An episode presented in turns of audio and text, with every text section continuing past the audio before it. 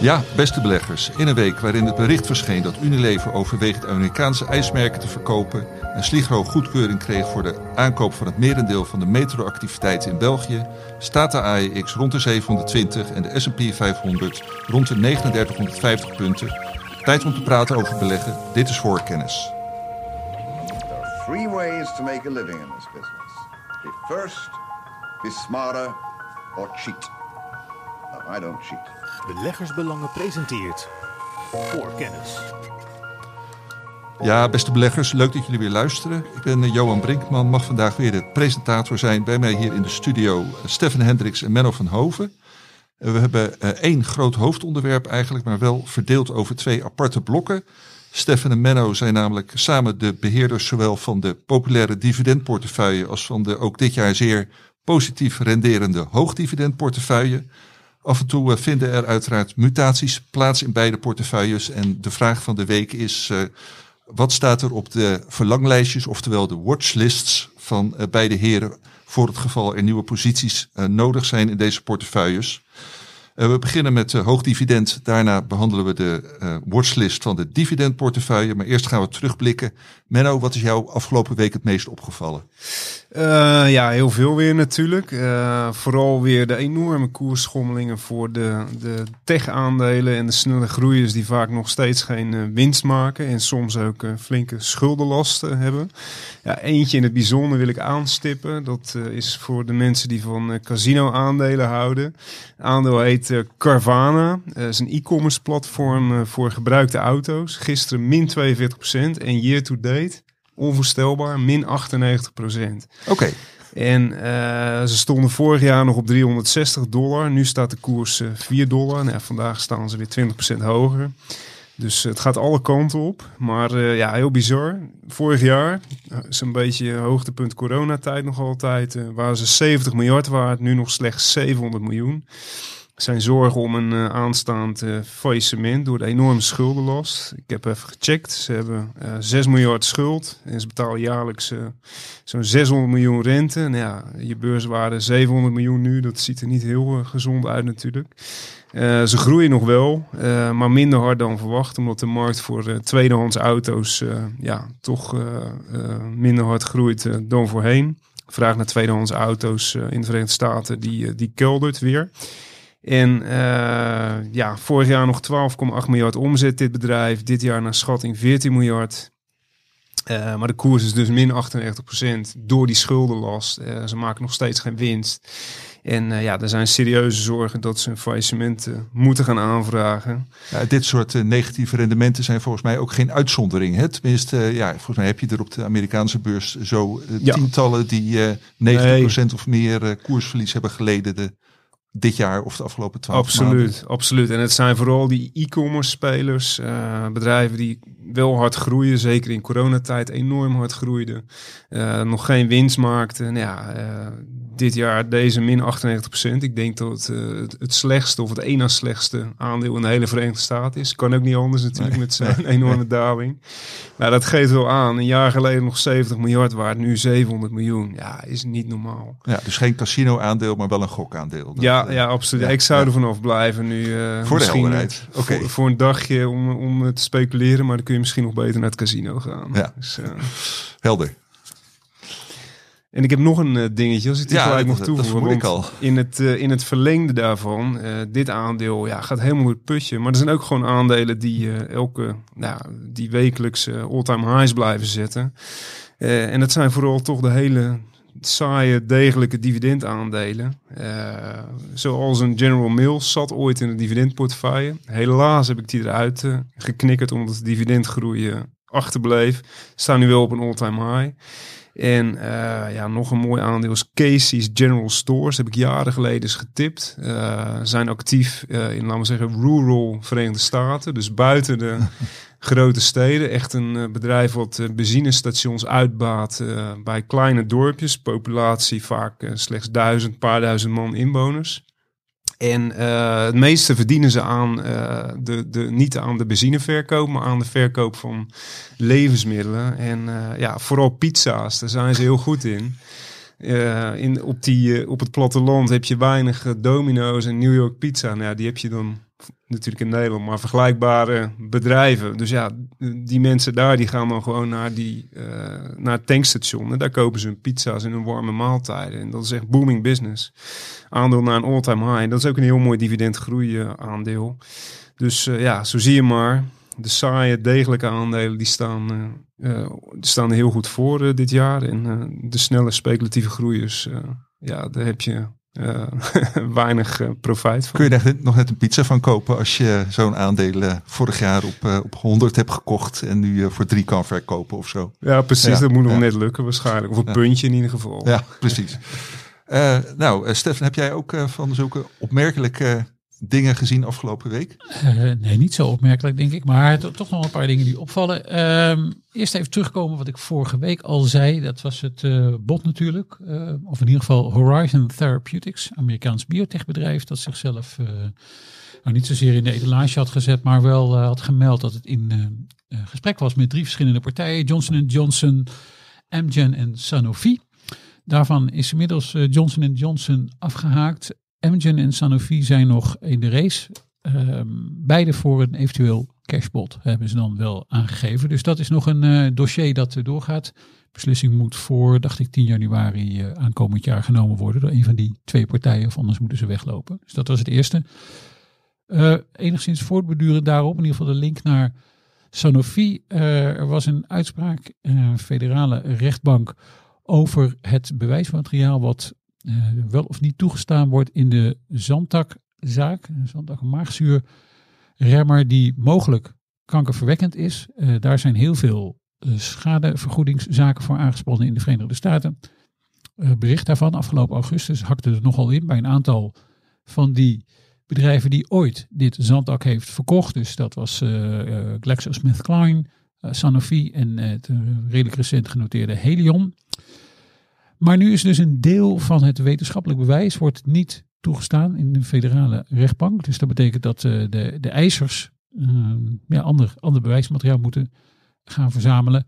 En dat zorgde voor uh, flinke koersstijgingen bij, eh, bij zowel Sanofi als Glaxo als bij Helion. Omdat er natuurlijk enige opluchting is bij beleggers misschien dat die zaken minder sterk zijn die aangespannen worden tegen deze bedrijven. En daardoor de schadevergoedingen eventueel, als die al toegekend worden, minder hoog zullen zijn dan gevreesd. Oké, en uh, ja, ook dit is een dossier wat uh, moeiteloos uh, doorloopt naar volgend jaar natuurlijk. Zeker, want in februari staat er, als ik me niet vergis, in Californië een vrij grote belangrijke rechtszaak gepland. Ja, helder. Uh, nog niet alles, trouwens. Dat is nog niet alles. Nee, nee dat is nog niet alles. Verbaast me dat niet. Uh, nee, nee. Nou, we zullen het redelijk beperkt proberen te houden. In ieder geval ook nog in dezelfde sector of aanverwant. En opnieuw een linkje met Sanofi. Uh, dat is een bedrijf dat heet EuroAPI. Dat is een afsplitsing van Sanofi. En dat is een bedrijf dat zogenaamde Active Pharmaceutical Ingredients maakt. Dus de bestanddelen waarmee bijvoorbeeld pillen worden gemaakt. Um, en zij hadden een, een klein probleempje in een uh, Hongaarse uh, fabriek. Daar waren bepaalde producten niet helemaal op orde. En dat leidde tot een, uh, een lagere omzet- en winstverwachting.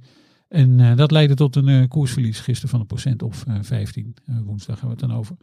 En dat was jammer, want dat bedrijf, het Euro API, dat had eigenlijk een hele veelbelovende beursstart. Maar um, die heeft dus een enorme klap gekregen. Het kwam echt als een donderslag bij heldere hemel. Dit, dat dit, um, ja, deze problemen in een fabriek. Je ziet dat wel vaker. Het is echt niet de eerste uh, farmaceut die daar last van heeft, maar het, uh, het verraste wel. Nummer vier, geloof ik, ben ik inmiddels. Um, maar een hele andere sector nu. Uh, dat is Vodafone. Daar maakte topman Nick Reed bekend om binnenkort op te stappen. En Vodafone was een van mijn persoonlijke tips. En een van de bedrijven die ik ook in portefeuille heb, waar ik niet zo gelukkig mee ben. recent nog winstwaarschuwing gegeven. Uh, nou goed, dit is overduidelijk dat Vodafone een hoop te herstructureren heeft. Is een verzameling van activiteiten die misschien niet overal even sterk is in alle landen. Veel schuld. Um, maar toch wel verrassend eigenlijk dat deze topman opstapt. En de vraag is even nu, uh, hoe gaat dit verder? Komt er echt een nieuwe topman met misschien een hele, of topvrouw uiteraard, een hele nieuwe richting? Want nu neemt de CFO het tijdelijk over. Uh, waarvan gevreesd wordt dat als de CFO dan ook later CEO wordt, dat zij de lijn van uh, meneer Reed een beetje door zal zetten. Nou, dat gaat vast niet goed vallen bij beleggers. Dus ik, ik, hoop zelf ook op iets anders. Maar het viel in ieder geval op. En dan de laatste. denk ik, de laatste. Ja, eh, de, de, de roundtrip eigenlijk van de olieprijs was toch wel verrassend natuurlijk. Die op, eh, volgens mij zelfs iets onder het niveau van eh, begin dit jaar staat. Nou, dat is toch wel eh, eh, verrassend, moet ik eerlijk zeggen. En ehm, nou, de olieaandelen staan ook wat onder druk de laatste tijd, maar reageer dat er nog redelijk op. Ja, en er zijn altijd eh, heel veel factoren die de olieprijs bepalen. Maar wat is nu eh, bepalend volgens jou voor eh, ja, dat, dat die prijs behoorlijk onder druk staat? Ja, het meest logische lijkt toch wel de, de angst voor een wat teruglopende economie. En hebben volgens mij het vorige week al over gehad. Dat ehm, eigenlijk in heel veel vooruitblikken, die wij nu natuurlijk allemaal krijgen eh, op de redactie van eh, banken en brokers. Nou, daar gaan de meeste gaan toch uit van een recessie in de VS en in de eurozone volgend jaar. En dan eh, verschilt het nog soms een beetje de mate, eh, eh, de hevigheid van die recessie. Ja, dat is meestal niet zo goed voor de vraag naar olie. Eh, en dat raakt de olieprijs. Maar goed, in de eh, Financial Times stonden ook eh, olieanalisten werden eh, geciteerd. Ja, die, die eigenlijk zeiden van ja, goed nieuws lijkt nu slecht voor olie. En slecht nieuws lijkt nu ook slecht voor olie. Maar ik denk dat in ieder geval dit ehm, wel de belangrijkste reden is. Oké. En eh Stefan, kun jij eh, meteen hier achteraan vertellen wat jij eh, afgelopen week voor ons magazine hebt geschreven? Ehm, ik ben weer eens teruggekomen op een van mijn favoriete aandelen. Ik heb al tijd niet meer in de podcast over gehad, dus het kan wel weer eens, denk ik.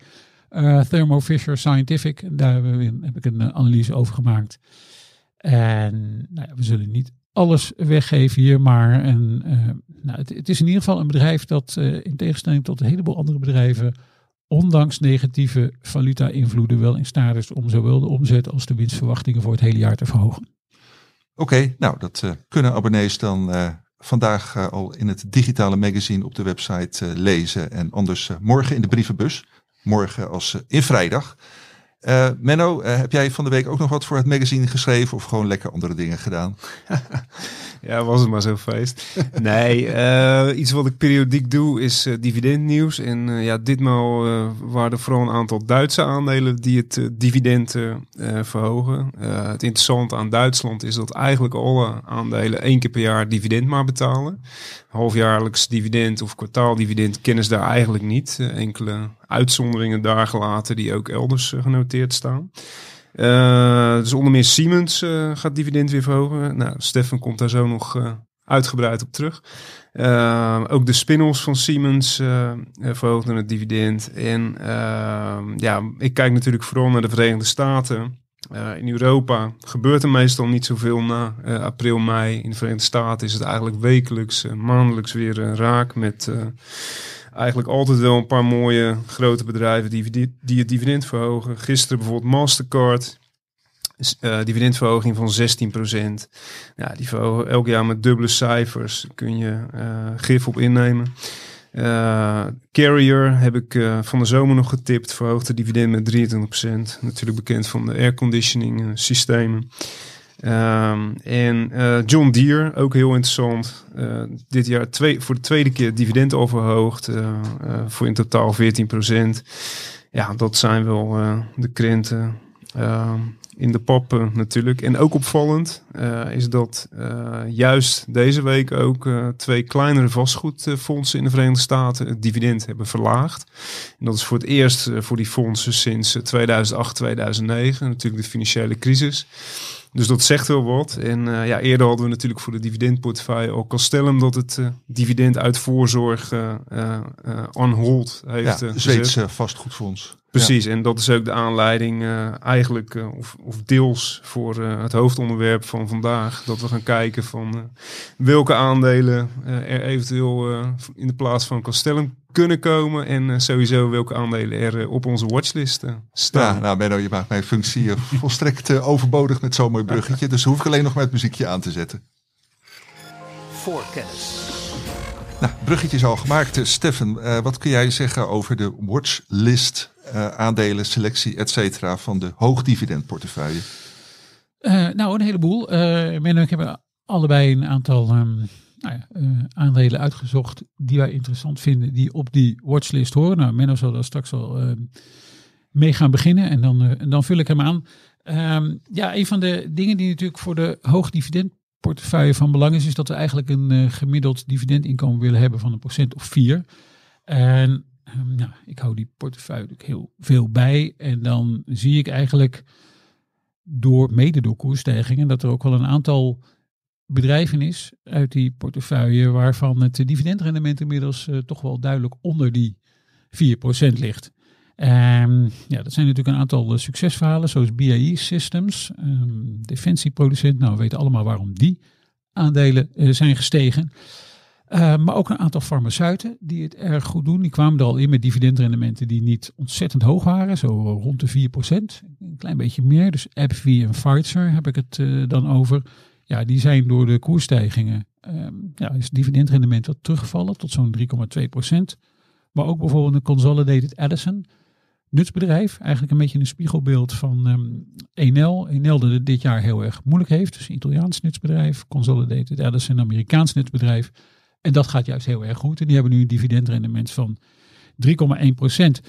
Dus ja, waar we nou altijd naar kijken is dat we er ook wel een voldoende sectorspreiding Dus er zijn een aantal sectoren waarvan je nou ja, daar, daar is wel heel veel dividend rendement te vinden. Maar die zijn ook al ruim vertegenwoordigd in de portefeuille. Dus dan heb ik het over de sectoren energie en financials en gezondheidszorg en consumer staples. Om maar even een verzameling zeg maar, van de Unilevers en de Aholds uh, te noemen. Uh, dus als we daar kijken, dan zoeken we met name naar vervanging. Nou, daar kom ik straks nog wel op terug met betrekking tot Consolidated Edison, waar een, een, vervanger voor is. Ja, waar we in ieder geval af en toe wel op mikken, is toch wel een kleine sector uitbreiding, wat wel goed is. Dus um, nou, ik kom straks terug op uh, Vinci. Menno en ik hebben het ook al over um, Siemens gehad. En Menno heeft nog een aantal andere voorbeelden. Uh, dus zo zijn we eigenlijk voortdurend aan het kijken naar, um, naar aanvullingen voor die portefeuille. Uiteraard allemaal met de doelstelling dat dat gemiddeld dividendinkomen van die portefeuille op 4% blijft liggen. We mikken dit jaar voor op ongeveer 5170 euro aan dividendinkomen. Nou, ik heb een begroting gemaakt daarvan. Op zich moet dat allemaal wel goed lopen. Uh, misschien met uitzondering van een paar bekende twijfelgevalletjes waar we het al eerder over hebben gehad. Uh, nou, Enel inmiddels iets minder, maar Bas blijft toch nog altijd wel. Ik weet niet, ik, het is niet dat ik er wakker van word, uh, wat ik al vorige week ook al zei. Maar eens in de zoveel tijd word ik er toch wel een beetje ongerust over. Met name als ik een bericht in de Duitse pers ook lees over hoe de productie um, gereguleerd wordt in verband met de hoge gasprijzen. Nou, dat kan nog wel eens een issue worden voor uh, BASF. Um, dus op basis daarvan hebben we eigenlijk een aantal um, mogelijke vervangers ja, uh, geselecteerd. Heel, heel eventjes uh, voor het beter begrip van de hoogdividendportefeuille. Het doel is dus 4% dividendinkomen per jaar over het totaal van de, van de portefeuille. Ja. die, die 4%, dat is vast niet een toevallig percentage? Vraagteken. Nee, dat was ooit een percentage. Ik dacht van, nou, dat is ongeveer eigenlijk wat je. Uh, het is een soort historisch percentage wat je eigenlijk uh, nodig hebt. Ook in verband met vermogensrendementsheffing natuurlijk van vroeger. Um, en ergens moet je een uh, grens trekken. 2 of 3 procent vond ik echt te laag qua inkomen. Dus we hebben echt gestreefd naar minimaal 4 procent. Als je heel veel hoger zit in dividendrendement, is niet alleen wat lastiger te vinden toen we de portefeuille starten. Uh, maar je komt dan ook vaak in dezelfde soorten sectoren terecht. Dus uh, 4% was de ondergrens eigenlijk. En dat is nog best wel lastig soms, bij, in ieder geval bij sommige sectoren. Maar als ik naar de uh, huidige portefeuille kijk en het geschatte dividendinkomen voor het, voor het gehele boekjaar. En dat is ook wel goed denk ik om even te zeggen. Ons boekjaar start op 1 juli, dus we hebben een gebroken boekjaar. Nou, voor dit boekjaar van juli 2022 tot en met eind juni 2023. Uh, op basis van mijn schattingen tot nu toe gaan we uitkomen op een, uh, of zitten we nu op een dividendrendement van ongeveer 4,6 procent. Ja, nou dat is natuurlijk uh, hartstikke mooi. Toen beleggersbelangen deze portefeuille starten en jij stond daar, daarvan aan de wieg, Steffen, was 4 procent een prachtig percentage. Dat is het nog steeds. Ondertussen hebben we natuurlijk wel inflatie gekregen. Dus uh, ja, het is niet uh, geen portefeuille waarmee je de inflatie goed kan maken. Nee, maar moet ook weer niet te negatief zijn. Dus de, het, het, is geen dividendgroeiportefeuille. Daar komen we straks nog op als we het over zeg maar, de dividendportefeuille van beleggersbelangen gaan hebben. Maar dat neemt niet weg dat een groot aantal aandelen uit de hoge dividendportefeuille toch ook wel het dividend verhoogt. Dus het is niet dat er uh, aandelen in zitten die alleen maar een hoog en nooit meer groeiend dividend hebben. Er zitten wel een paar tussen. Dus Orange, telecombedrijf Frans, zit er al lang in.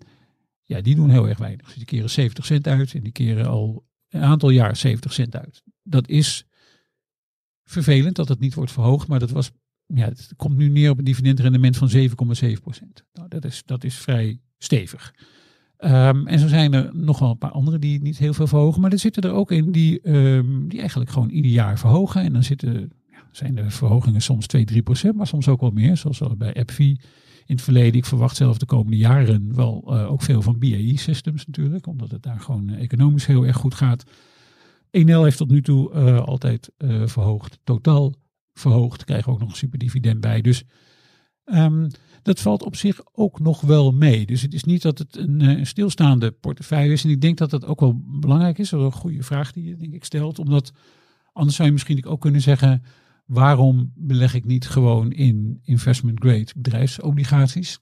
Nou, dan krijg je misschien inkomen met dezelfde soort kwaliteit. Want, want alle bedrijven uit de hoogdividendportefeuille die een credit rating hebben... en dat zijn er 19 van de 20. Alleen Aperam heeft geen rating die hebben allemaal een zogeheten investment grade rating. Dus we hebben het eigenlijk allemaal over zeer solide bedrijven, betrouwbare bedrijven. Maar ja, een, uh, een couponinkomen van een obligatie stijgt natuurlijk niet. En dit inkomen stijgt nog wel. Het stijgt ook bijna ieder jaar in de hoogdividendportefeuille. Ja. En uh, dan is natuurlijk ook nog uh, ja, de koersstijgingen van de aandelen zelf. en ja, dat is dit jaar toch echt ook een, een goede bonus lijkt mij. Ja, we hebben, um, zoals in ieder jaar natuurlijk, mee- en tegenvallers, zal ik maar zeggen. Dus Bas F en 1L zijn enorme tegenvallers. Dan hebben we het over verliezen van ergens tussen 20 en 30 procent.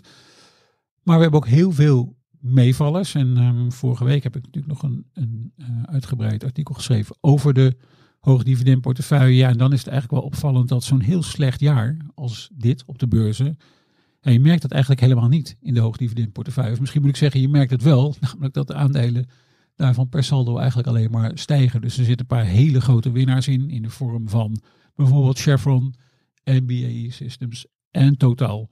Um, dus eigenlijk draait die portefeuille prima in een heel slecht jaar. Uh, helder. En ook dat uh, artikel kunnen we in de show notes zetten, want dat was inderdaad uh, zeer verhelderend. Maar goed, ja, de mutaties en de aandelen waar jullie dan naar kijken. Laten we daar naar terug gaan. ja, nou misschien kan ik dan nu eens even het woord geven aan Menno. Ja, nou, we hebben één aandeel dat, dat uh, Stef en ik al eigenlijk, ja, wat eigenlijk elke keer wel weer terugkomt als we de hoogdividendportefeuille bespreken, is Liondel Basel. Ik heb het, toen ik net bij beleggersbelangen werkte, heb ik het ooit eens een keer getipt. ja, het is een van de grootste chemiebedrijven ter wereld. Ze zijn heel groot op het gebied van kunststoffen. Uh, chemicaliën en ja, doen ook nog een stukje raffinage, ongeveer 15% van de totale omzet. Uh, ja, het is natuurlijk wel een cyclisch bedrijf, heel erg, erg afhankelijk van de economische ontwikkelingen. En ja, dat zie je ook dit jaar wel aan de beurskoers. Een beetje vergelijkbaar met de BASF, denk ik. Liondel staat min 40% dit jaar. Uh, ja, heeft natuurlijk alles te maken met inflatie, de vraag naar de, uh, van consumenten naar pro producten, naar plastics. Uh, natuurlijk ook een heel stuk gestegen energiekosten voor de productie van die chemicaliën, van die plastics. maar waar het vooral om gaat bij dit, dit bedrijf, wat gewoon door de jaren heen echt een ja, sterk schommelende omzet laat zien. Uh, is dat het dividend is wel een constante factor. Uh, gemiddelde dividendgroei per jaar is zo'n 6% geweest. Uh, gaat nu 12 jaar op rij omhoog. Ja, is gewoon allemaal dik in orde.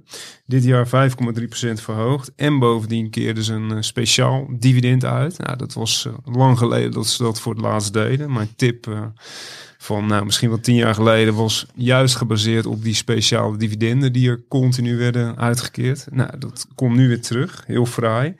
En ja, dan heb je gewoon een aandeel met een koers van uh, 82, nou, 83 dollar op dit moment. Het gewone dividend, wat dus al 12 jaar op rij wordt verhoogd, geeft een dividendrendement van 5,8 procent. En dan krijg je daar dit jaar ook nog eens een keer die 25 extra bij. Dus dik 10% dividendrendement. En daarmee eh, ja, denk, denken wij uitermate uh, zou die passen binnen de hoogdividendportefeuille. Blijft natuurlijk wel een kwestie van hoe zitten we qua sectorverdeling, uh, qua regio's. Maar dit is een die we ja, sterk in de gaten houden. Uh, ik zei trouwens net min 40%. Dat klopt niet. Ze zijn dit jaar min 7%. Dus ze doen het eigenlijk heel goed. Want als je daar de, het valuta-effect uh, op meepakt, dan zit je gewoon, uh, dan sta je gewoon op winst. Dus het is, het is echt een, een uitblinker. Ja, en dat is niet zo heel raar. Ook kijk je naar dat dividend, dividendhistorie. En uh, ja, ook het feit dat het dividend ruim wordt gedekt door de vrije kaststromen die binnenkomt. In combinatie met dat pro progressieve dividendbeleid. Dit jaar gewoon een speciaal dividend in een ja, eigenlijk lastig jaar voor de sector. En ze gaan dit jaar ook gewoon een record omzet boeken. Ruim 10% groei van 51 miljard. Dus ja, eigenlijk what's not to love about this stock. wel ja, een aantal kanttekeningetjes. De laatste tien kwartalen hebben ze vier keer hun EPS, dus winst per aandeel consensus, gemist. Dus je kunt er geen, ja, wat dat betreft zijn ze enigszins onvoorspelbaar ten opzichte van de analistenconsensus. En ja, de marges staan op dit moment ook gewoon onder druk door wat ik al noemde, hogere energiekosten, inflatie, wat voor minder vraag naar, vanuit, vanuit de eindmarkten zorgt. Maar ja, het is wel binnen die sector gewoon een, uh, een aandeel met een heel aantrekkelijk dividend, dividendhistorie en gewoon, uh, naar mijn idee, een houdbaar dividend. Dus uh, ja, die staat zeker hoog op het lijstje. Toch, Stefan? ja, zeker. Omdat we natuurlijk ook, precies wat Benne zegt, in die sectorspreiding ook wel even wat, um, nou, in ieder geval de zaken niet schever willen trekken dan nu voor die, uh, deze sector waar, waar Bas F in zit, ja, kijken we voortdurend. Nou, we hebben het al zo vaak over Bas F gehad. Dus we kijken voortdurend naar eventuele vervangers daarvoor. Dus ook uh, Bayer heb ik alles bekeken. Maar daar hangt natuurlijk nog altijd die glyfosaatzaak aan, wat het wat lastiger maakt. Uh, en ook Leon de Basel. Menno is volgens mij gewoon vaker in onze gesprekken naar voren ja, gekomen. Zeker. Als, Volgens mij is het hoofdkwartier nog altijd in Rotterdam trouwens. Uh... Oké, okay. maar kun je iets meer over die sectorverdeling uh, zeggen, Stefan? Hoe die nou uh, globaal is en ja, hoe die in jouw ogen of in jullie ogen volgend jaar eventueel zou moeten veranderen? Nou, de belangrijkste sectoren, wat ik al zei, zijn er eigenlijk drie. Dus dat is gezondheidszorg, een procent of 19 hebben we de financials, die zitten rond de 14 en uh, dan hebben we ook nog consumer staples. Nee, van rond de 10 consumer staples zitten wat hoger, rond de 14. En daar zitten bijvoorbeeld dus ook um, uh, Ahold valt eronder en ook Unilever. Nou, wat we eigenlijk willen, we hebben nu, een nuts is goed vertegenwoordigd daarnaast. Want je kijkt natuurlijk een beetje naar traditionele dividendsectoren. Wie keert er nou eigenlijk nog minimaal 4% uit? En als we naar zoeken naar uitbreiding, willen we dus niet voortdurend maar blijven zitten in uh, sectoren of vastgoed of nuts of financials. Want dat hebben we eigenlijk al. Uh, telecom hebben we ook al. Hebben we ook al twee aandelen. Twee van de twintig, dus KPN en Orange. Wat eigenlijk zoeken is of een, directe vervanger. En dan hebben we het dus inderdaad over eventueel Bas F eruit en Leondel Basel erin. Of straks waar we nog over zullen komen, Public Enterprises Services. Um, um, of we hebben het over een sectoruitbreiding. En een uh, sectoruitbreiding zou bijvoorbeeld kunnen zijn in Siemens. Dan gaan we wat meer naar de sector industrie, waar we feitelijk nu alleen BAE Systems, en dan hebben we het ook nog over een heel specifiek onderdeel van de industrie, namelijk de wapenindustrie, in zitten. Dus we proberen wel uh, die portefeuille wat uit te breiden. We Menno en ik hebben het ook wel vaak gehad of er niet een moment komt om bepaalde posities wat te korten, zodat we die 20 aandelen wat kunnen ophogen. Dat we dan uh, op die manier wat meer sectorspreiding aan gaan brengen. Oké. Okay.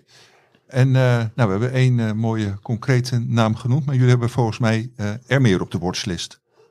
ja, zeker. We zullen eens even gaan kijken, Menno, of het qua tijd allemaal een beetje. Dus we proberen het tempo hoog te houden, Johan. Het volgende aandeel heeft, uh, wat mij betreft, is wel een, een sectoruitbreiding. Dan en ook eentje die al wat langer op mijn watchlist staat. En het gaat om uh, Vinci.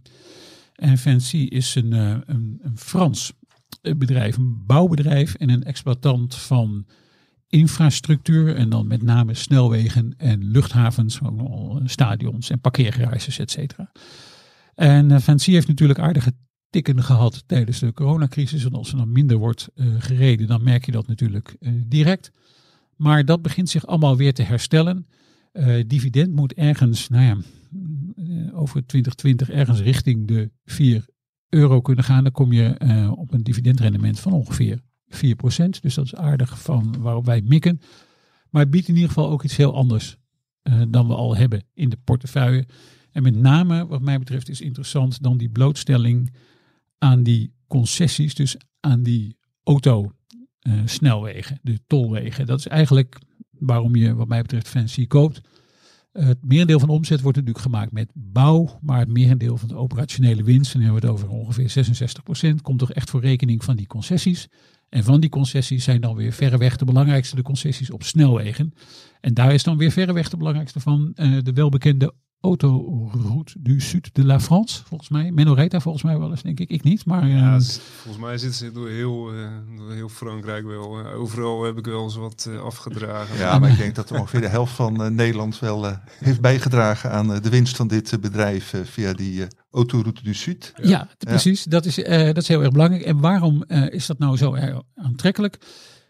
Die concessies geven natuurlijk vaste inkomsten, want een concessie krijg je meestal over een, langere periode. En op het moment dat je dat als bedrijf goed doet, en Fancy doet dat tot nu toe goed, dan is de kans op vernieuwing van, de, van die concessie is ook groot. En heel belangrijk wat mij betreft is dat die concessie op de uh, ASF, hè, dus die Autoroute du Sud de la France, mijn, mijn Frans is niet zo heel erg goed, die loopt uh, tot 2036. Dat is al heel erg interessant. En andere concessies lopen tot 2032 en 34. En dat heeft hele grote voordelen. Namelijk dat je weet ongeveer wat er binnenkomt bij bedrijven. En dat het bedrijf daar dus ook zijn financiële positie op kan afstemmen.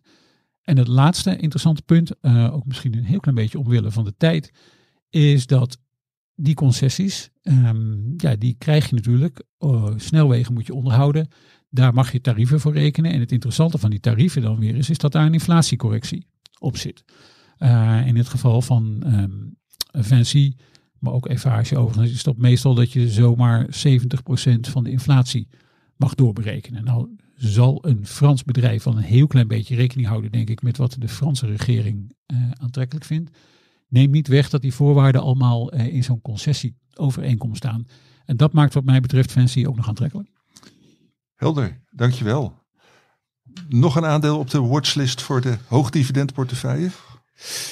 Ja, eentje uh, uit mijn koker dan weer. En dat is niet zo'n beste dit jaar. Ik heb het, uh, ik heb het wel één of meerdere keren getipt de uh, afgelopen jaar. Stanley Black Decker. Ik denk dat iedereen het wel kent. Ik weet niet of jullie uh, grote klussers zijn uh, eigenlijk. Ik, ik, ken het wel, maar ik probeer er heel ver van weg te blijven. Ik ja, had wel mij weinig geld uh, verdiend, inderdaad ook. Maar we kennen ze wel. Ja, nee, precies. Nou, ik, als ik in de bouwmarkt kom en, ja, en dan als ik de keuze heb en ik wil gewoon een kwaliteitsproduct, dan kom ik toch wel gauw uit bij iets van Stanley Black Decker. Uh, nou ja, goed, de, de hand tools en power tools, uh, uh, zoals het zo mooi in de Verenigde Staten wordt omschreven, waaronder ook bijvoorbeeld het merk DeWalt van de boormachines en, en alle ja, klusapparatuur, Volt, hoort daarbij. en die consumentenmarkt is eigenlijk goed voor het grootste deel van de omzet van Stanley Black Decker. En dat verklaart natuurlijk ook gewoon waarom het aandeel het zo slecht doet. Uh, eigenlijk alle consumentenaandelen die liggen onder druk. Mensen geven minder uit. Uh, tijdens corona werd er natuurlijk extreem veel geklust en hadden mensen geld en tijd over. Nou ja, nu door het hele inflatieverhaal wordt de hand op de knip gehouden. En dat merkt Stanley Black Decker. Uh, desondanks gaat de omzet dit jaar gewoon naar een uh, nieuw record van 16,8 miljard. Uh, nou ja, de reden dat ze het slecht doen, dat, dat is natuurlijk die, de huidige marktsituatie. Dat vertaalt zich ook in de laatste uh, kwartaalcijfers, waarbij ze uh, de outlook flink verlaagden. Uh, eerder verwachten ze een winst van 5 tot 6 dollar per aandeel voor het lopende boekjaar. En dat werd teruggebracht naar 4,15, 4,65. Dat is natuurlijk een gigantische verlaging. Uh, ja, en wat je dan ziet in die uh, omschrijving van die kwartaalcijfers, uh, weaker consumer demand in Europe, destocking costs, currency headwinds, ja, de bekende issues. Op lange termijn denk ik echt dat dit gewoon ja, nog steeds een heel mooi aandeel is. Dividend gaat 55 jaar op rij omhoog. Dit jaar een minimale verhoging van 1,3. Beetje vergelijkbaar met de dividendportefeuille Zorgenkindje VF Corp. Uh, dat ook het dividend minimaal verhoogt. Maar ze doen het wel. En als je gewoon puur naar de fundamentals kijkt, uh, dan kunnen ze dat ook. Is nog helemaal niks aan de hand. Uh, staan er gewoon goed voor, financieel gezien. Uh, en het is ja, wat dat betreft gewoon wachten tot uh, het hele macro-verhaal weer verbetert. En dan kunnen dit soort aandelen denk ik heel hard uh, herstellen. Op korte termijn onzeker. Maar door die koerstik is het dividendrendement wel opgelopen naar 4,1%. En ja, daarmee is er eentje die ook wel op de watchlist staat. Het is niet, denk ik, als ik voor mezelf mag spreken, en ik denk dat Stefan het daar ook wel mee eens is, eentje die heel hoog op het lijstje staat. Maar het is uiteindelijk zeker wel een kandidaat. Uh, omdat het ook een aandeel is uit de hoek industrials, waar we ja, voor de hoogdividendportefeuille nog relatief weinig in zitten. Dus ja. dit is één die we goed in de gaten houden. Nou ja, en voor de helderheid, jullie hebben niet een watchlist van pak een beet tien aandelen nodig, omdat het aantal mutaties in beide portefeuilles toch relatief gering is. Hè? Ja. Van toch, ik denk op de vingers van één hand te tellen per jaar of... Voor hoog dividend geldt dat wel? Ja, in, in de regel wel. Ja. Heel, soms hebben we uh, dan één of twee mutaties. Maar we willen natuurlijk zeker ook wanneer de dividenden ook een beetje doorlopen, dividendrendement nog steeds in orde is. Ja, dan is er eigenlijk niet echt een reden om te muteren. Dus um, ja, anders zit je toch vaak wel wat in dezelfde vijver te vissen. Dus ja, we zouden Pfizer kunnen vervangen door Novartis of uh, AbbVie door uh, Gilead. Maar dat uiteindelijk doet dat niet genoeg. En ik, dus op het moment dat, die, uh, dat dit soort bedrijven die we erin hebben zitten er altijd in staat is om dat de veiligheid van het dividend te garanderen. Want dat is waar we voor de hoogdividendportefeuille natuurlijk naar op zoek zijn. Ja, als er dan geen directe aanleiding is om die bedrijven te verwijderen, dan laten we ze ook liever wel zitten. Nee, niet uh, muteren om het uh, muteren. Dus we hebben uh, drie mooie aandelen gehoord voor de hoogdividendportefeuille. Doen jullie er nog eentje of zullen we naar de, de dividendportefeuille overgaan? Ja, maar misschien nog even een, een, heel kort dan eentje. Ja? En dat, is, dat, dat kan misschien ook wel kort, omdat we dat zou namelijk niet zozeer een uitbreiding zijn, maar meer een vervanging van in dit geval Consolidated Edison. Een aandeel waar we in ieder geval qua koersverloop heel erg tevreden over zijn. Ook overigens over de dividenduitkeringen. Die worden iedere keer wel een beetje verhoogd. Dus dat is verder prima. Uh, maar de yield tussen dividendrendement is wel wat aan de lage kant nu. 3,1. Uh, dat betekent dat ik al wel een tijdje aan het kijken ben naar eventuele vervangers in de nutsector. Dan is Europa in principe vrij aantrekkelijk. Omdat de uh, dividendrendementen in Europa um, in de regel wel wat hoger zijn probleem vind ik alleen wel dat er in Europa nu zo ontzettend veel overheidsingrijpen is. Dat het eigenlijk lastig is om uh, voor een wat langere tijd een goede blik te hebben op die nutsaandelen. Uh, Iberdrola bijvoorbeeld zou een van de kandidaten zijn. Er is ontzettend veel uh, nu rumoer over extra belastingen in Spanje, waar Iberdrola toch ook aanzienlijke activiteit heeft. Dus kijk ik dan ook maar gewoon eigenlijk voor een directe vervanging van Consolidated ook naar Amerika. En een van die bedrijven die wat mij betreft dan mogelijk ooit eens een keer in aanmerking komt. Want het blijft uiteindelijk een watchlist. Dus het is niet dat het een mutatie is die we, uh, dat onze handen uh, jeuken, dat we meteen weer doorvoeren.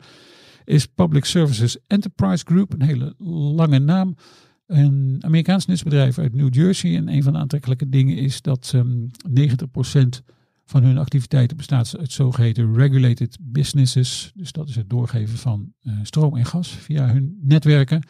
En daar krijg je een vergoeding voor. Die spreek je af met de overheid. En dat is eigenlijk wel prettig, want dan weet je ongeveer wat er binnenkomt. En dit aandeel heeft een dividendrendement van 3,6 procent. Volgens mij keren ze al, men weet het waarschijnlijk beter dan ik. Geloof dat ze al 115 jaar dividend uitkeren, geloof ik. En het is ook een dividend aristocrat. Dus het is ook wel een partij die Um, die in ieder geval uh, staat voor het dividend.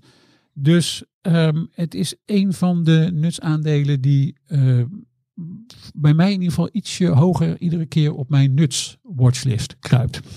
Oké, we introduceren ook uh, nieuwe woorden. Dus daar is de podcast Voorkennis ook berucht om ondertussen. We gaan naar het volgende onderwerp. Voorkennis. Dividendportefeuille Menno een maand eh, geleden was jij geschokt door eh, een mededeling van eh, Castellum, het eh, Zweedse vastgoedfonds wat we net al eh, noemden. En dat zette jouw grijze cellen natuurlijk in bewegingen waar eh, daar dat, dat dacht door grijze haren. eh, Die- ik dacht dat je die kant op ging. Er wordt hier eh, om onduidelijke reden om eh, gelachen, maar eh, ik hoop dat u het ook grappig vindt. Nee, Menno, je bent natuurlijk op zoek samen met Steffen naar een vervanger voor Castellum. En wat kun je daar nu over zeggen? Ja, Castellum eh, had eigenlijk een hele kleine weging eh, in dividendportefeuille op het moment dat ze eruit gingen, 1%. Dus we zitten nu met een, eh, een kaspositie van 1,3, wat dus voor die 1% Castellum en 0,3 dividend tot dusver ontvangen in Q4, wat gewoon herbelegd gaat worden.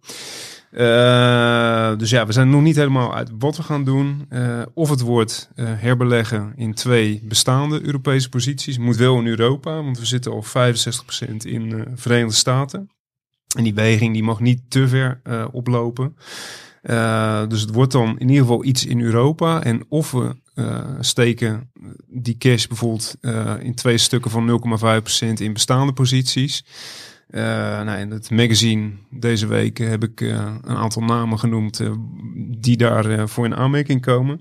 Een andere optie is natuurlijk om gewoon weer een hele nieuwe positie op te nemen. En ja, daarvoor hebben we natuurlijk een watchlist. En er staan een aantal aandelen op die, die ervoor in aanmerking komen. We willen daar wel dit jaar nog een knoop over doorhakken. zodat we een nieuwe jaar in kunnen met, met een volledig belegde dividendportefeuille. Eh, interessant om te melden is misschien wel dat eh, de huidige dividendportefeuille eh, nou ja, gaat wel voor het eerst in de historie met verlies het jaar uit.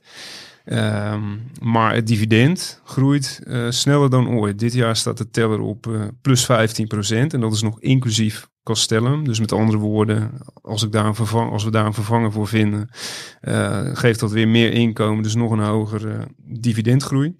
Ehm, en eh, ja, als ik dan naar de sectorverdeling Ja, en kijk. eventjes eh, tussendoor, want dat is altijd wel interessant. Herbeleggen is met, eh, met dalende koersen natuurlijk bingo. Hè? Dat is een extra bonus. Ja, nee, absoluut. Als, je, als, als de fundamentals en de vooruitzichten op lange termijn gewoon intact blijven, dan is het alleen maar gunstig. Ehm, dus ja, in principe alles wat in de dividendportefeuille zit, dat gaat gewoon de komende jaren het dividend verder blijven verhogen. En dan profiteer je dan absoluut eh, als die koersen onder druk staan, omdat je gewoon meer nieuwe stukken kunt kopen, wat eh, per definitie alweer meer dividend geeft, zelfs al zouden ze het niet eh, verhogen. Dus absoluut, in die zin zijn lagere koersen gewoon heel gunstig. En is dit eigenlijk een heel gunstig jaar voor de dividendportefeuille, omdat er gewoon een recordbedrag aan dividend binnenkomt, wat tegen korting kan worden herbelegd. Dus eigenlijk is het alleen maar gunstig voor lange termijn wat er dit jaar gebeurt. Maar goed, de, eventuele nieuwe posities. Ja, nou eh, we hebben het eh, opgesplitst eh, naar Verenigde Staten en, eh, en Europa. En als ik dan voor de dividendportefeuille kijk, de eventuele nieuwe aankoop, die zou dan in Europa moeten zitten. Maar in de Verenigde Staten, eh, als ik puur naar sectorverdeling kijk, eh, zit ik in de hoek van consumer staples. eh, ja, die bij Steffen of bij de hoogdividendportefeuille juist een hele zware weging heeft. Zit ik eigenlijk in de VS alleen nog maar in PepsiCo. Eh, dus daar ja, zou een eh, mooie kandidaat zijn. Eh, McCormick is al meerdere malen getipt ook in beleggersbelangen. Is een dividend aristocrat die inmiddels al 37 jaar op rij dividend heeft verhoogd. En wat doen ze, Menno? Ja, wat doen ze? Eh, een hele goede vraag. Behalve dividend verhogen en zo. Ja, maar dat zijn dat is de eigenlijk het enige waar ik naar kijk. Maar Oh, ja. Nee, zonder gekheid. Nee, ze, eh, ze is een producent van kruiden en specerijen. eh, en ook een grote speler op het gebied van hot sauces. Eh, moet je denken aan die hele pittige sauzen, eh chili sauzen, et cetera. Eh, sterke merknamen zijn ook in Nederland eh, actief met het merk Silvo. Allicht eh, dat, dat jullie het wel eens over het eten, over het vlees hebben gegooid. Jazeker. Ja. en in Frankrijk hebben ze een merk. En ja, als je daar op vakantie gaat, wat ik best wel vaak al heb gedaan, eh, dan kom je al gauw bij in het kruidenschap bij een, groot merk daar. Ducro is ook van eh, McCormick. Maar ja, het belangrijkste deel van de omzet komt uit de Verenigde Staten, waar ze een heel mooi eh, aantal sterke merknamen hebben eh, voor consumenten, maar ze leveren ook aan eh, food service bedrijven, wat dan uiteindelijk weer in de horeca terechtkomt. Ehm Dividend groeit gemiddeld bijna 10% over de, laatste vijf jaar per jaar. Heel voorspelbaar bedrijf met, ja, wat moet ik zeggen? Um, een, een, waardering die eigenlijk altijd aan de kant is. Maar ja, dat zie je bij wel meer kwaliteitsaandelen. Kijk ook naar L'Oreal in Europa. Sommige aandelen zijn altijd duur. Maar ja, je betaalt ook die prijs. die betaal je met een reden. Uh, heeft nu een dividendrendement van uh, eh, 1,8%. En is er zeker eentje waar ik altijd wel naar kijk. mocht er een, een, een, plekje vrijkomen. Maar dat hangt dan echt helemaal vanaf van, van de huidige posities, hoe die het doen. komt er een dividendverlaging, heb je natuurlijk een hele goede reden om iets te wijzigen. Maar ik zeg ook altijd tegen Stefan, we zijn heel tevreden over de huidige samenstelling. Dus de, de echte noodzaak om te wisselen is er niet. Maar we houden natuurlijk wel een aantal uh, goed in de gaten. En even voor de duidelijkheid, want je noemde dat percentage van 1,8 eh, procent. Dit is dus een aandeel wat niet in aanmerking zou komen voor de hoogdividend, maar vanwege het groeiend dividend wel voor de dividendportefeuille. Ja, nou dat is het inderdaad. Ja, oké, mooie, mooie tip voor op de watchlist. Uh, jullie hebben vast nog wel ja, één of twee andere dividend aandelen. Zal ik er eentje tussendoor doen? Um, uh, met dan meteen al een disclaimer, namelijk dat ik dit aandeel zelf ook in portefeuille heb. Het aandeel uh, waar ik het over heb is Jacobs Solutions, voorheen bekend als Jacobs Engineering. En dan uh, weet je al denk ik ongeveer over wat voor bedrijf het hebben. Het is dus een, een, een engineering en een consultancy bedrijf. Dus dat is een partij die, het, ze hebben echt ongelooflijk brede spreiding van activiteiten, van het uh, adviseren van aanpassen van riolen en spoornetwerken tot um, uh, engineering van uh, NASA-faciliteiten. Dus het is echt een heel erg breed gespreid bedrijf. Um, interessanter aan vind ik eigenlijk dat um, het bedrijf bestaat uit drie divisies en in al die drie divisies is de overheid de belangrijkste klant veruit. En dan ook nog veelal in Amerika. Dat betekent dat dat ik verwacht dat Jacobs ook wel gaat profiteren van de, wat was het, in augustus ondertekende uh, Inflation uh, Reduction Act, volgens mij, als ik het goed zeg. Groot stimuleringsplan van uh, Biden. Groot stimuleringsplan waar ook in Europa nu een hoop over te doen is natuurlijk, omdat er, ja, er worden veel subsidies uitgekeerd, veel plannen daar gemaakt. Ik denk dat Jacobs Solutions een van de partijen is die daarvan gaat profiteren, omdat zij ook bezig zijn bijvoorbeeld met gebouwenbeheer en met het beperken van de uitstoot van broeikasgassen. Um, afgelopen jaar dividend met 10% verhoogd. De yield is niet zo heel erg hoog, 0,8%. Dus daar, uh, het is niet dat je zegt van nou het is een, uh, ook deze, dus niet iets voor de hoogdividendportefeuille. Maar het bedrijf heeft zich de afgelopen tijd wel heel aardig omgebouwd. En um, ja, ik vind het wel een. Uh, het is niet voor niks dat ik hem zelf in portefeuille heb, maar ik denk dat partijen als dit. Um, je gaat toch op zoek naar nieuwe groeiaandelen. En ik denk dat een, een Jacobs wel een van de bedrijven is die de komende jaren kan gaan profiteren van een aantal belangrijke trends, namelijk van grote overheidsprogramma's en van verduurzaming. Um, en ik denk ook wel dat het dividend gewoon daardoor kan blijven groeien. Dus de yield is niet heel erg aantrekkelijk, maar ik denk wel dat de dividenden uh, behoorlijk kan door blijven groeien. Oké, ook weer uh, een uh, mooi aandeel. Menno, jij uh, trekt een gezicht alsof je er nog wel eentje weet. Ja, nee. ik dacht het uh, gezicht van wat een slecht, slecht aan. nee, het nou, nog als aanvulling. Het leuke van uh, Jacobs is, er zijn natuurlijk maar een paar aandelen met één letterig ja. tickersymbool. En dit is er één van. De J uiteraard. De J. Dus, ja, ja, makkelijk te onthouden. Nee, ik, waar ik ook voor de dividendportefeuille wat ja, misschien wel een van de meest voor de hand liggende vervangers van Castellum zou kunnen zijn, is het Zwitserse Sika. Best wel een heel groot bedrijf met een beurswaarde van 35 miljard. Wat doen ze, vraagt Johan nu natuurlijk. Moet ik ook eerst zeggen. Uh, ze zijn heel breed uh, gespreid op het gebied van bouw en chemie. Ze leveren oplossingen, producten en systemen voor het verlijmen, afdichten, dempen, versterken en beschermen van bouw uh, in, of beschermen van producten in de bouw- en automobielindustrie. En dan moet je uh, denken aan uh, versterking van betonnen muren, sportvloeren, maar ook balkons en de vloeren voor industriële gebouwen.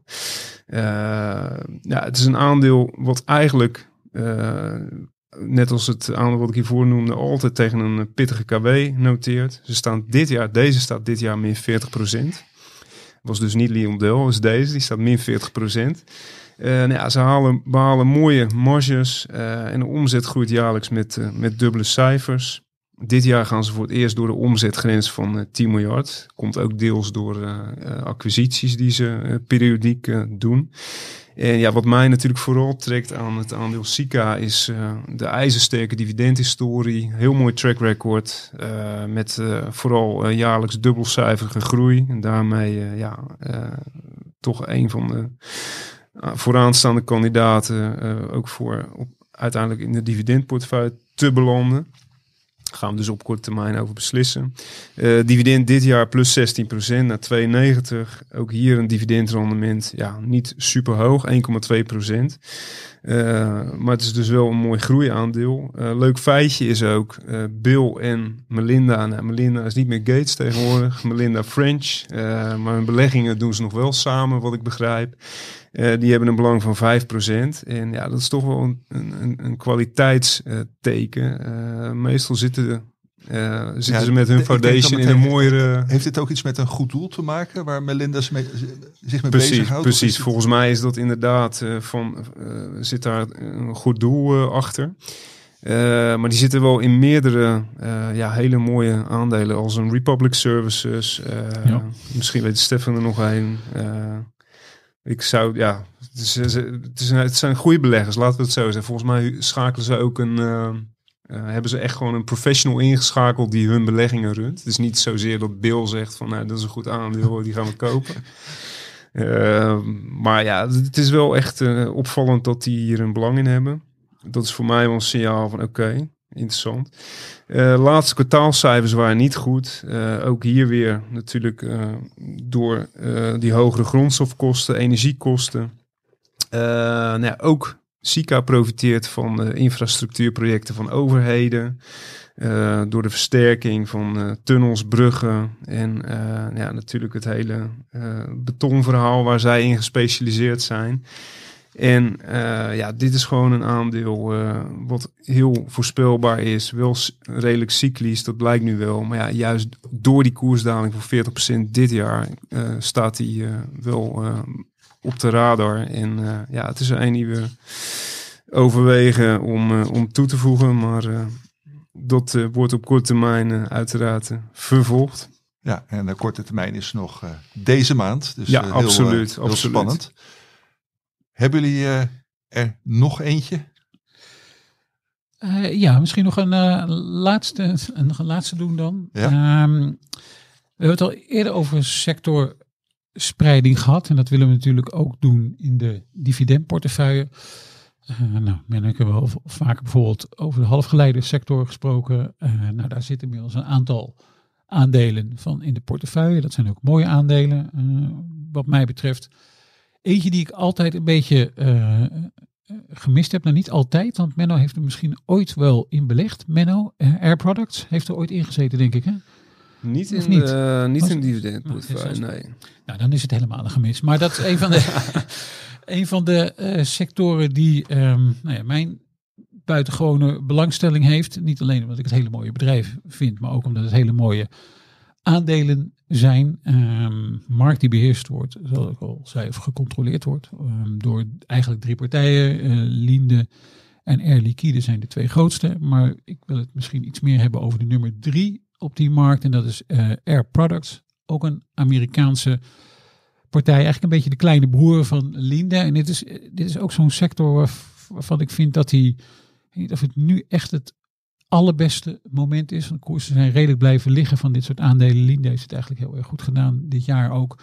Maar het is een sector die eigenlijk wel past. Ehm, er wordt ontzettend veel eh, cash gegenereerd. Die sector dividend kan ook aardig verhoogd worden. Ehm, Air Products heeft de dividend ook al 40 jaar op rij verhoogd. Is een, eh, is een aristocrat. De yield van Air Products ehm, is 2% ruim. Dus dat is wat meer dan van Linde. 1,4% hebben die als dividendrendement. Ja, en waarom is dit nu zo'n mooie sector? Nou, dat, dat illustreert Air Products zelf ook al. De sector werkt met heel veel lange termijn contracten. Dus ehm, grote faciliteiten die gebouwd worden, grote productiefaciliteiten die gebouwd worden, bijvoorbeeld eh, bij eh, staalfabrieken of bij eh, raffinaderijen. En dan heb je dus langlopende contracten. Ehm, 15 tot 20 jaar. En, en Air Products haalt ongeveer de helft van de omzet met dat type contract. Nou, dat is natuurlijk een fantastisch mooie business. Ook al omdat daar een, vaak een inflatiecomponent in zit. Dat zie je bij Linde. Dat werkt bij deze partij ook heel erg goed. En een derde van de omzet komt dan uit, um, uh, uit iets kortlopende contracten. Maar die zijn er ook nog van drie tot vijf jaar. En dat zijn bijvoorbeeld die grote vrachtwagens die je dan rond ziet rijden. Met die um, industriële gassen erin. Uh, je ziet ze in Europa veel al van um, Linde en Air Liquide rondrijden. Maar Air Products heeft ze ook.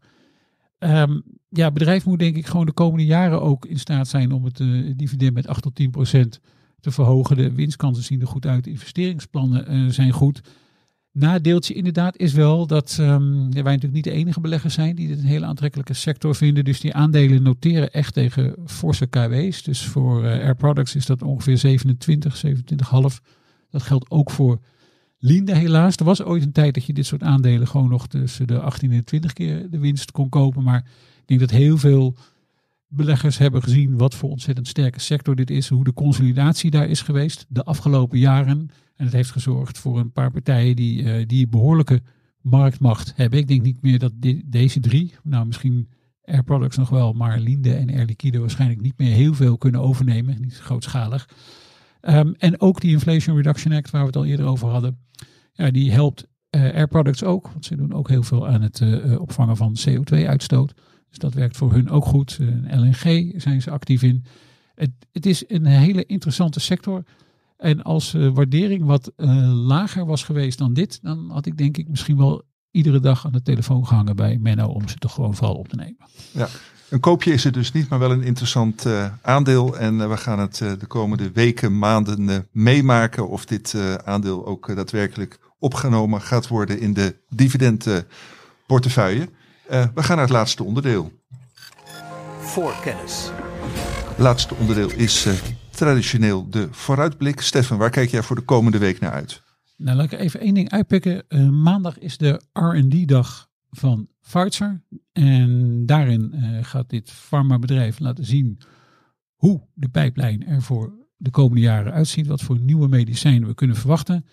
En dat is wel nodig, want het is, uh, nou ja, Pfizer heeft natuurlijk onvoorstelbaar geprofiteerd van corona. Het is een van de bedrijven die um, ja, tientallen miljarden aan omzet heeft binnengehaald uh, middels een coronavaccin en een coronapil.